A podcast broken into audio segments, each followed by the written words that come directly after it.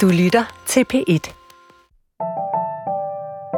Den inderste kerne er historien om en genial videnskabskvinde, der i mange år kæmper mod stor modstand fra både omverdenen og sig selv, inden det internationale gennembrud endelig kommer. Hovedpersonen i dramaet er den danske seismolog Inge Lehmann, der i 1936 opdagede, at jorden har en hård indre kerne. Jeg har mange gange set skulpturen af Lehmann foran Københavns Universitet, men når sandheden skal frem, havde aldrig før hørt om hende. Det er Lotte K. Andersen, der med sin nye roman endelig bringer Lehmann frem i spotlyset i Danmark, og nu er hun gæst i bogselskabet. Velkommen. Tak skal du have. Dejligt at have dig tilbage, Lotte tak. K. Andersen. Det er dejligt at være her. Som altid, så begynder vi med den første sætning. Så hvis du vil læse højt af din øh, roman Den inderste kerne, den første sætning. Ja, den er dejlig nem. Hun tæller. Og hvorfor lader du den lille pige Inge Lehmann tælle her i romanens begyndelse? Det jeg kan se i alt det her dokumentariske materiale, som jeg har haft adgang til, mens jeg har skrevet bogen, der kan jeg se, der, der er breve fra, hun er helt lille, og der er en dagbog fra, hun er 17-18 år. Jeg kan se, at det er et højt begavet barn. Så udover at sætte mig ind i alt det historiske, og alt det seismologiske, og det videnskabshistoriske, altså der har været så mange ting, jeg har skulle øh, sætte mig ind i i den her roman. Men noget af det, jeg også har kigget meget på, det er, hvordan er højt begavet børn? Mm. Det højt begavet børn gør, det er, hvis, hvis de ikke bliver stimuleret nok, så finder de en måde at aktivere sig selv på. Så vil de tit tælle, eller lave regnestykker, eller staveord, eller lave gåder, øh, søge udfordringer selv. Og så tænker jeg, jeg kan også se i dagbogen, øh, og i, i familiens historie om hende, at hun er et meget sart, skrøbeligt gemyt. Mm. Så, så jeg, har, jeg har sat hende til at stå på en skammel på Østerbrogade, hvor de bor, da hun er lille. Og så står hun og tæller alt, hvad hun ser. Hun er sådan en registrerende pige med et hoved, der bare ræser afsted. Og det, og det prøver hun så at bruge selv. Mm. Så, så sådan har, den indgang har jeg vel, gerne vil give til hende. Og med den her første scene, der viser det jo også, at Inge Lehmann gennem hele sit liv er meget omhyggelig, meget grundig, Ja. meget systematisk og, og nørdet. Øh, og senere i livet, der kan hun aflæse tal, bevægelser, mønstre, Ja. øh, som ingen andre kan. Ja. Øh, hvorfor fascinerer hun dig, Inge Lehmann, med al sit øh, naturvidenskabelige nørderi? Man kan åbenbart gå i forbindelse, eller have kemi med en historisk person, som man kan med en, en person i den virkelige verden. Fordi hun ramte mig med det samme. Jeg, jeg, jeg havde med øjeblikkelig lyst til at, at fordybe mig i hende. Ja, fordi du er jo et sprogmenneske. Ja. Altså, du er jo hele livet beskæftiget dig med, med sprog og, og litteratur. Ja. Hvad, så, hvad er det, der piger dig ved det naturvidenskabelige her? Jeg har altid haft en fascination af naturvidenskab, og jeg har altid læst en masse om Darwin. Jeg har interesseret mig for Niels Bohr. Jeg har faktisk interesseret mig meget for, for naturvidenskab på sådan et hobby, på bare sådan noget, jeg, jeg godt kan lide at læse om. Jeg synes, det er ekstremt fascinerende, at, at de har fat i de store linjer.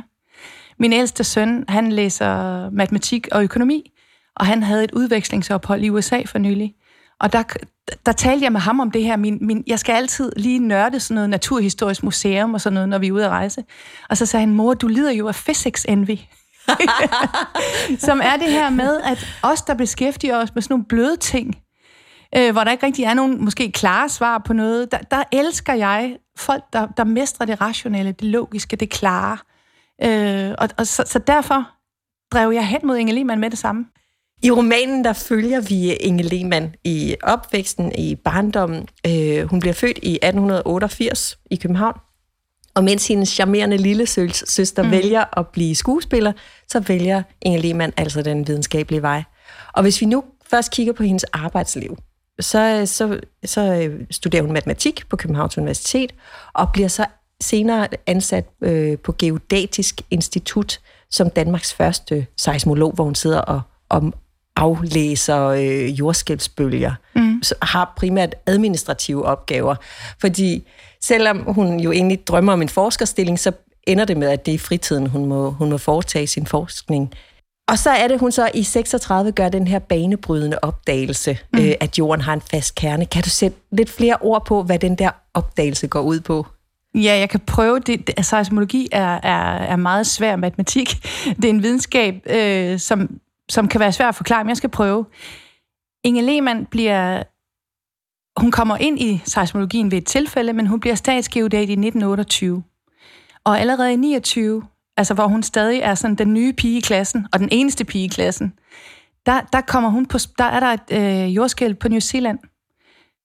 Og hun har et eller andet vanvittigt talent for at aflæse de her data. Hun, hun, hun har sådan en intuitiv tilgang til det, som de andre måske, de andre seismologer, hendes kolleger i, i, i resten af verden måske ikke har.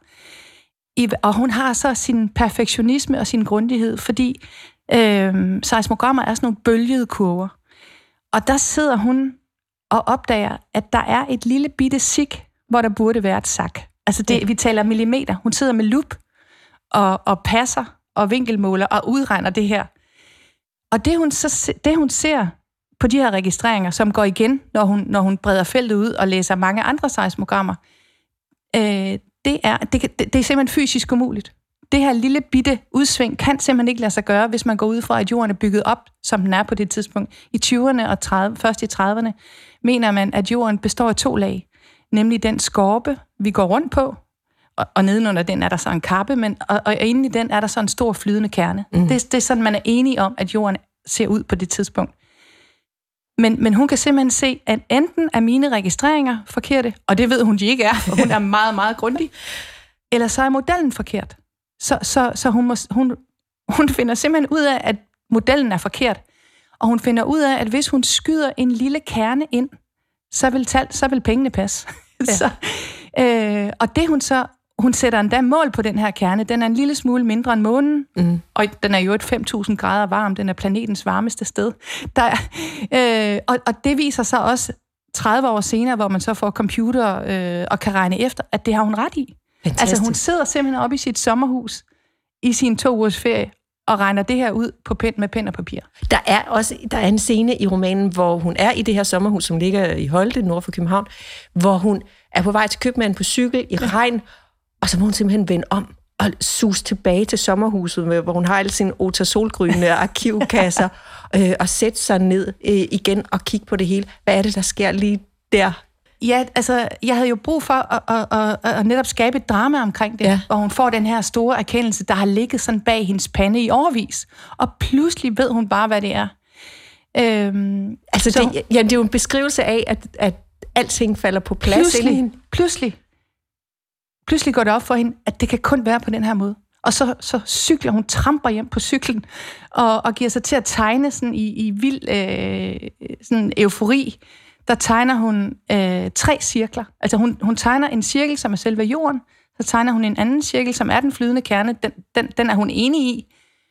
Og så, som noget helt genialt, så tilføjer hun, skraverer en lille kerne indeni. Så det er så Inge Lehmanns model over jorden, som, som stadig er den, der gælder. Du kendte jo heller ikke til Inge Lehmann før øh, din Nej. søn, øh, din yngste søn, ja, for 5 6 ja. jeg er meget glad af min søn. for 5-6 år siden kom ja. han hjem fra skole øh, og fortalte om hende. Ja. Og, og der sad du og, og, og skrev på noget helt andet på ja. det tidspunkt. Hvorfor fik du lyst til at hive Lehmann frem i spotlyset? Jeg tror, altså jeg er sådan en, der, der får 10 idéer om dagen. Men denne her idé blev siddende. Øh, jeg var jo netop i gang med en anden bog, og derefter en anden bog igen. Men denne her idé blev ved med at, ligesom at suge noget til sig. Og jeg kunne ikke skyde det væk. Og da jeg så var færdig med min tredje bog og skulle i gang med en ny bog, så tog jeg et møde med min redaktør, og der havde jeg tre idéer med. Og han sagde, den, din videnskabelige idé er absolut den stærkeste. Den skal du gå med. Det er, no, det er virkelig spændende. Og det er noget nyt. Det var det på det tidspunkt. Ja. Nu er vi så ramlet ind i en bogsæson, hvor, hvor, der, hvor der er andre, der gør det samme. Men, men det var også det nye, det føltes bare meget forfriskende. Mm. Og så netop det, at det var en stor, talentfuld kvinde, øh, som, som har haft, øh, som har sat et, et blivende aftryk på kloden simpelthen. Altså jeg synes på en måde ikke, det kunne være større. Og så det her med, at, at det er sådan et spektakulært liv. Og så havde jeg en, en særlig privilegeret adgang, fordi min søn går i klasse med en lemand, så jeg kunne gå ture med en efterkommer af Inge Lehmann, og jeg kunne besøge to grandnevøer. Så, så ud over alt det historiske materiale, så har jeg jo fået hendes øh, private breve og billeder og alle deres historier, mm. som jeg håber har været med til at gøre øh, romanen mere levende. At man, øh, ja, altså, det, det er jo folk, der har, der har vokset op med en hele deres liv, og, og som har kendt til den der knastørre humor, hun havde. Hun var både tof og meget skrøbelig. Øhm, som barn blev hun kaldt et skravl, men hun bliver 104 år gammel. Der er så mange modsætninger, mm. så mange interessante lag i hende. Og, og det kunne de jo ligesom fortælle mig om. Lotte K. Andersen, du er jo egentlig bedst kendt øh, for din Hellerup-trilogi om øh, tre familier under finanskrisen. Øh, første bind, Hambros Allé 7 13, det var din debut i 2015. Ja. Og inden da, der er du uddannet dig som øh, kantmag i litteraturhistorie og medievidenskab øh, fra Aarhus Universitet, og så har du boet i London og læst kommunikation og journalist, og har speciale i øvrigt i amerikansk litteratur. Du har arbejdet som tekstforfatter i reklamebranchen i mange år, og så bor du nu i Charlottenlund sammen med din mand, og den yngste af jeres tre sønner, som stadig ja. bor hjemme. Det her med kvinder, der kæmper mod dominerende mænd, øh, det var også et tema i din seneste ja. roman, øh, ja. hvor du besøgte bogselskabet. Men derudover så er det jo virkelig rykket i tid og i, øh, i miljø, øh, som altså fra noget, du kendte helt tæt på, ja. til noget helt andet. Hvordan har det været sådan rent kunstnerisk at tage den udfordring? Jeg tænker faktisk også på det at være forfatter, øh, hvis man er ambitiøs med det, hvis, hvis, hvis man gerne øh, vil udforske eller prøve, afprøve rollen, gør, altså udfordre sig selv, øh, så er det også, at man hele tiden skal kigge omkring næste hjørne. Jeg kunne også have skrevet et fjerde, eller et femte, eller et tiende bind, men, men det er jo ikke sjovt. Det er i hvert fald ikke for mig. Mm. Der er faktisk mange læsere, der spørger, hvornår kommer der flere? men, men, men, øh, men jeg havde virkelig lyst til at, at vriste mig fri mm. af, af alt det, og, og, og vide, at det, det var, som det skulle være, og nu vil jeg gerne prøve noget nyt. Og, øh, og så synes jeg også, at der var næsten sådan et, et det var på en eller anden, det føltes uomgængeligt. Mm. Altså, jeg fik sådan en stor, spektakulær historie for ærende, og det føltes bare som øh, en, en vigtig opgave. Og som du selv var inde på, øh, så er der noget vildt spændende i timingen med den her roman. Mm. Øh, fordi vi har Eva Tind, der skriver om øh, videnskabskvinden øh, Marie Hammer, zoologen. Ja. Ja. Øh, vi har Jesper Bungsung, der lige har sat ansigt på Ida Hammershøj øh, i Kvinde set fra ryggen. Og så Gry Jeksen, som har netop har udgivet mm. Kvinde kendt en historie, hvor hun portrætterer 50 øh, danske kvinder, der har haft betydning gennem de seneste 500 år. Også Inge Lehmann. Ja. Øh, hvorfor tror du, at, øh, at der er den her interesse for historiske kvinder lige nu? Ja, altså... Det er jo tilfældigt, ja. det er jo ikke spekulativt Nej, fra din side. altså der er jo et historisk efterslæb. Øh, jeg læste et sted, at 99 procent af de statuer, vi har, det er mænd. ja. Og nu er det måske på tide at rejse nogle statuer, nogle bogstatuer over mm. kvinder. Ja. Øhm, og så der, der er en masse, det er som om det er sådan et øh, uopdyrket, en uopdyrket frontier ja. af romanmateriale. Så, så det, det, det, er, det er vigtigt, og, og det er forfriskende at skrive om de her store kvindeskæbner, som vi også kan lære en masse af. Og halvdelen af historien mangler jo, hvis vi ikke fortæller de her mm. historier som, øh, som skrivende. Jeg vidste ikke, at jeg var en del af en fin fransk bølge, før, før jeg havde afleveret manuskriptet. Så jeg tror, der er noget tilfælde i det. Øhm, men, men som læser, altså jeg, jeg skældner mellem at være skrivende, hvor, hvor, hvor, hvor, hvor der så er blevet sådan en bogsæson nu. Men som læser, øh, synes jeg, det er sådan en ny oplysningstid. Og, og, og det, altså jeg elsker selv øh, historier baseret på, sand, øh, altså, øh, baseret på noget sandt. Og jeg elsker de her store fortællinger om personer, vi kan lære noget af. Altså, man, man lærer jo meget af at se på andre mennesker. Hvordan håndterer de den her, tilfælde, øh, den her tilværelse? Øh, synes de også, den er svær? Altså, vi lærer jo, fra vi er helt små, af andre mennesker. Og, og spejler os og identificerer os. Og det, og det er i hvert fald sådan, jeg selv har haft det med Inge Lehmann. Alle hendes kampe for at blive en del af et fagligt miljø, mm. kan jeg sagtens genkende fra mig selv. Øh, alle hendes dilemmaer, hun vil gerne gøre alle glade, men altså, samtidig er hun meget sikker på, hvad det er, hun selv gerne vil. Det kan jeg også. Øh, der, der er mange ting i de her kvindehistorier, som, som, øh, som sådan bouncer tilbage og giver os noget, også som moderne mennesker, tror jeg. I din roman, der er det, du beskriver Inge Lehmann som sådan et særligt begavet og, og også lidt skrøbeligt barn, øh, som vokser op lidt i skyggen af den der charmerende søster. Øh, hvorfor har det været interessant at, for dig at gøre så meget ud af portrættet af hende som barn? Jamen, det er jo der, vi bliver formet. det er jo, det er jo, øh, på en eller anden måde er vi jo stadig det barn, vi var engang. Så, så jeg synes, den unge Inge Lehmann er, er, er fundamentet for at kunne fortælle om den gamle Inge Lehmann. Så i kompositionen af den her roman, der har jeg faktisk meget tænkt, jamen hvad, hvad er vigtigst? Hvordan skal jeg vælge ud? Men så kom jeg faktisk frem til, at en del af, af, af historien med Inge Lehmann er faktisk totaliteten. Det er, at hun bliver 104 år gammel. Så, så jeg kunne ikke bare sige, om det er den unge Inge Lehmann, der interesserer mig. Jeg kunne heller ikke bare sige, om det er erkendelsen, det er opdagelsen, det er det videnskabelige spor, der interesserer mig. For hun interesserer mig også til sidst. Hun, hun er frisk til det sidste. Det er først den sidste måneds tid, hun sådan mister sine åndsevner. Og, og det er der også noget meget rørende ved. Øh, jeg har jo hørt øh, historier fra hendes dødsleje. Altså, så, så, så, så jeg blev bare enig med mig selv om, at, øh, at jeg var simpelthen nødt til at, at tage hele hendes liv og, og prøve at, og, og, og dramatisere det, give det liv. Men, men den unge Inge Lehmann interesserer mig, eller det var, sådan, det var sådan, jeg begyndte, og det tror jeg også er fordi, at øh, jeg har fundet ind til Inge Lehmanns inderste kerne ved at kigge i hendes dagbog fra 1905 til 1906, og det har gjort et stort indtryk på mig. Så derfor er jeg også formet i min, i mit syn på hende. Fordi det, det er sådan meget inderligt, og det er sådan et hemmeligt kig ind i hendes sjæl, simpelthen.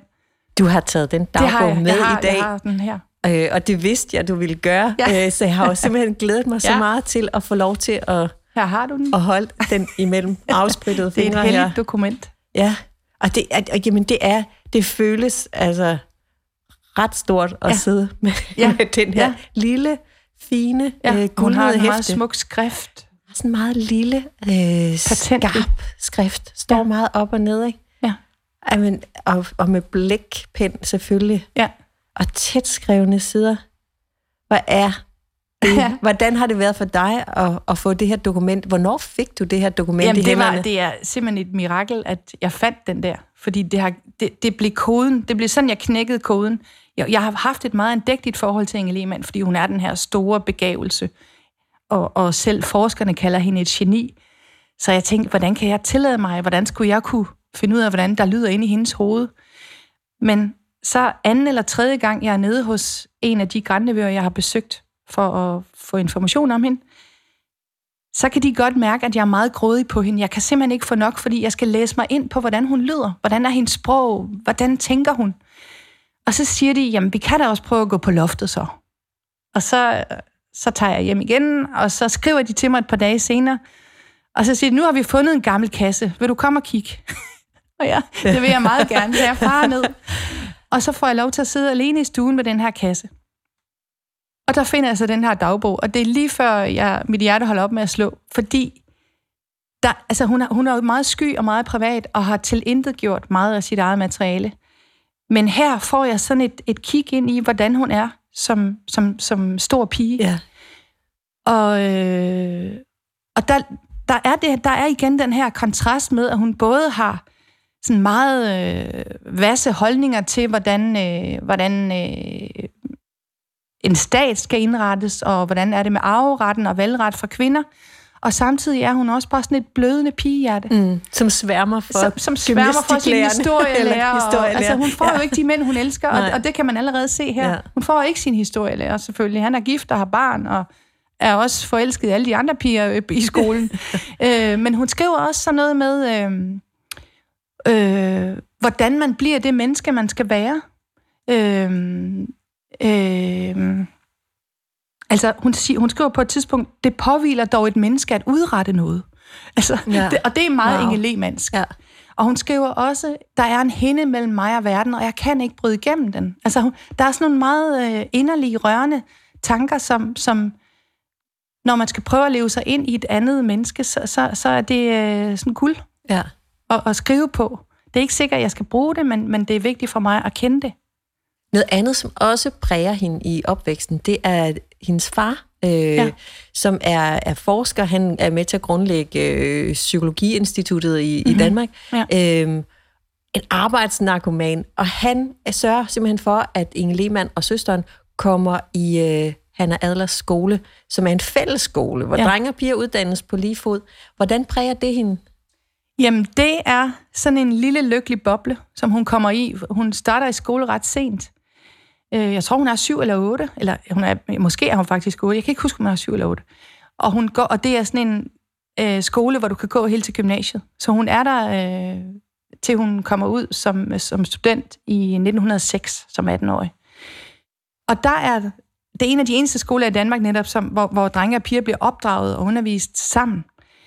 Så hun får et chok, skriver hun senere, da hun kommer ud af Hanna Adlers fællesskole, fordi det er jo ikke sådan, samfundet er. Hun kommer ud til, øh, at, at piger havde lige fået lov til at tage en studentereksamen, og de kan også godt få lov til at gå på universitetet. Men med det fag, hun vælger, matematik, der er der ikke arbejde bagefter. Altså, matematikken og fysikken bliver betragtet som de ædleste videnskaber, og der, der er simpelthen lukket, det er en lukket herreklub. Du, du kan ikke, hun, hun har ingen chance for at få arbejde. Det, det siger hendes far også til en gentagende gang. Det, ja, han prøver at få hende til at vælge at, at blive polytekniker. Eller, fordi det er en praktisk vej, og der ja. har piger en bedre chance. Ja. Altså, du har jo alt det her, alle de her ressourcestærke, dygtige piger, og de kan blive guvernanter, eller de kan blive sygeplejersker, eller de kan blive lærerinder. Øhm, så så, så heldigvis ved et tilfælde snubler hun ind i seismologien, og det gør hun faktisk, fordi hun også er vanvittigt god til sprog. Hun taler flydende fransk, tysk og engelsk.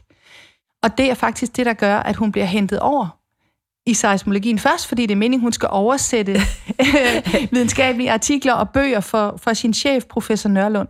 Som ikke selv er sådan mega skarp. Ikke, ikke til sprog i hvert fald. Ikke til sprog. Men der er perioder, hvor hun simpelthen bliver så overbelastet, at hun også bryder sammen. Ja. Men hun kommer altid igen. Ja. Og så er der det her med, at hun er tit den eneste kvinde øh, på studiet, til konferencer, på ja. arbejdspladsen. Og der er også mange, der betragter hende som temmelig kantet og rigid. Ja. Øh, hun er heller ikke bange for at tale chefen imod. Nej. Øhm, hvad gør det ved hende, at hun ikke lykkes i de her første mange, mange år af hendes karriere? Jeg tror, jeg tror hun, eller jeg kan se, at hun er bitter. Men jeg tror faktisk også, det gør hende ekstra stedig, mm. og hun får sådan en ukulighed. Altså, jeg tænker på Inge Lehmann som en stille kriger. Jeg tænker på hende som en, der har skudt sig igennem. På sin egen stille, sammenbitte øh, øh, façon. Øh, og så har hun klaret sig på sit intellekt. Hun har haft en sejhed og en sammenbithed og en flid og en grundighed. Og så heldigvis, heldig, heldigvis bliver hun jo belønnet for det til sidst, fordi hun, hun sidder, hun siger selv, at ja, så sad jeg der i, i mit lille luk af i, en, i 25 år. Men så sker der jo det fantastiske, at, at hun er så stort et talent, at hun ikke kan ignoreres, så amerikanerne får øje på hende. Jamen, der er en vild underlig scene også, hvor, øh, hvor der kommer en amerikansk professor til ja. København for at, at prøve at overtale hende til at komme til USA og arbejde i en periode. Og hun, øh, hun tror jo så selv, at hun skal finansiere rejsen derover, og hun får naturligvis nej fra professor Nørlund til at ja. få dækket omkostningerne. Og så sender de der bare et fly så via de... Pentagon for at hente hende. Hvad er det, hun oplever, da hun kommer til USA? Jamen, der oplever hun øh, oprejsning. De kalder hende øh, øh, The Lady Who Discovered Earth's Inner Core. Der, der er kæmpe respekt omkring hende. Og for første gang i sit liv oplever hun frihed til at forske, og at hun bliver anerkendt og taget alvorligt. Øh, så hun, hun siger selv, da hun er 101 år, der siger hun, at det var min bedste år i Amerika. Der, der var hun allerlykkeligst. Altså, og, og, og det er meget livsbekræftende for, for sådan en som mig, der er ved at være et par 50, at, at, at, at der sker, altså det er sådan, hun, hendes store karrieremæssige højde, gyldne tid, det er fra hun er 63 til hun er 83. Og hendes absolute højdepunkt, det er der, hun er 73 og bliver æresdoktor på Columbia. Øh, så hun er sådan en late bloomer. Mm. Og der er også en helt anden mildhed over hende. Altså, der er jo det, hvis man møder modstand hele tiden, så bliver man også, øh, så bliver man måske svær at arbejde sammen med. Mm. Men, men de, de kan se hende, og, og hun behøver ikke hele tiden at forsvare sig. Hun kan sænke skuldrene, øh, og oplever bare en masse, at, at, at, at pludselig kører det hele for hende. Hun ja. rejser rundt i hele verden. Alt det, hun altid gerne har vil have skulle ske, det sker lige pludselig. Og det vælter ind med, øh, med øh, funding. Altså, hun kan, hun kan gøre nogle ting for sin familie. Hun stifter et legat for sin søn, eller undskyld, ja, sin, sin nevø, sin nevø ja. som har haft det svært hele sit liv. Og hun laver et legat til videnskaben. Øh, så pludselig kan hun øh, sådan tillade sig at, at nyde det lidt, mm. hvor, hvor alt ellers har været meget svært. Udover kassen fra loftet der, hvordan har du så grebet din research an? Så har jeg, inde på Rigsarkivet, er der 32 store brune kasser med arkivalier.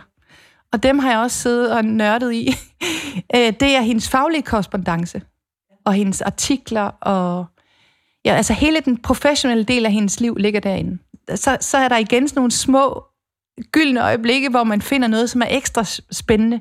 Der har for eksempel, så fandt jeg derinde en, øh, en invitation, til, øh, hvor hun bliver inviteret til te hos den svenske konge i 1930, hvor der står, at hun bedes mødes, møde op i formiddagstoilettet med hat. Altså sådan nogle, sådan nogle ting er der også, og, og jeg fandt sådan en lille løs lap, hvor der bare stod, fra hun er meget gammel, der stod der, at jeg orker ikke at skrive, jeg orker ikke at, at læse. Altså, der hun, altså jeg, det, det, det er sådan et, et, et landkort over hendes liv, jeg har fundet. Hvis vi nu lige øh, dvæler et øjeblik på indpakningen af din roman. På forsatspapiret, der er der to portrætter. Der er et af den unge kvinde, Inge Lehmann, og så til allersidst er der et af den midalderne Inge Lehmann. Og blikket ja, i begge portrætter det er, er, det, det er det er så intenst. Hvordan vil du beskrive det blik? Det er et hyperfølsomt og hyperbegavet blik.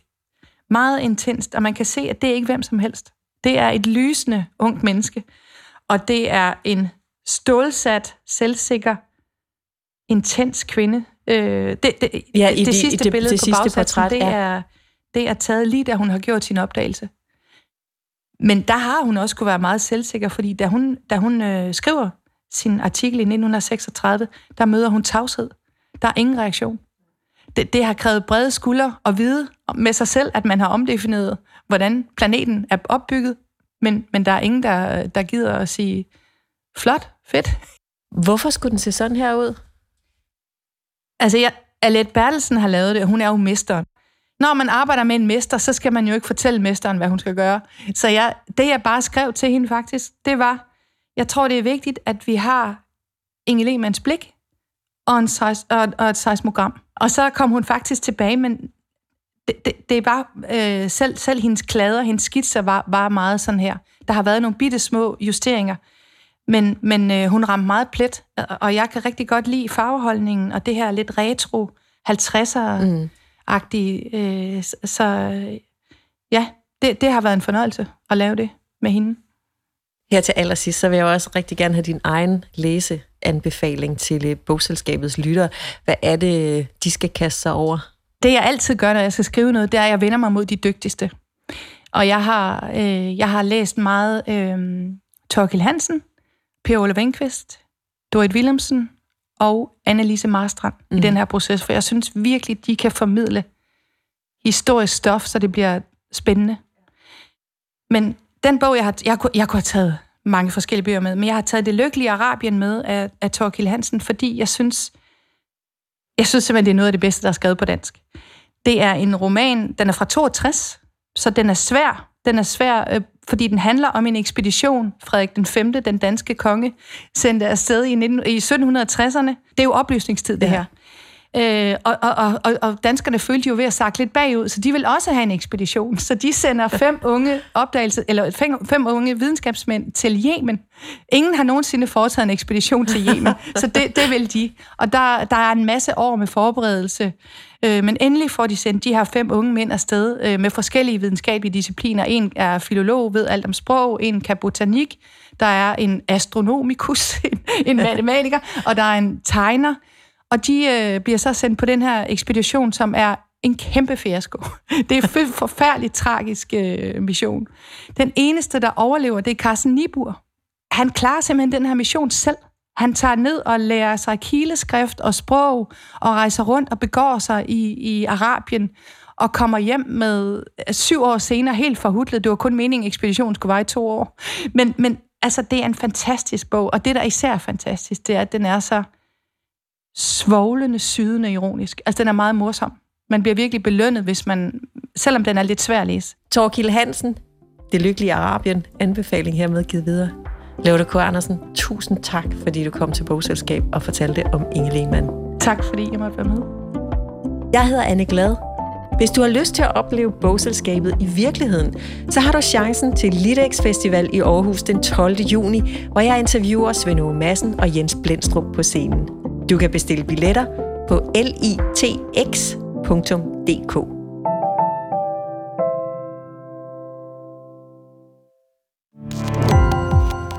Gå på opdagelse i alle DR's podcast og radioprogrammer. I appen DR Lyd.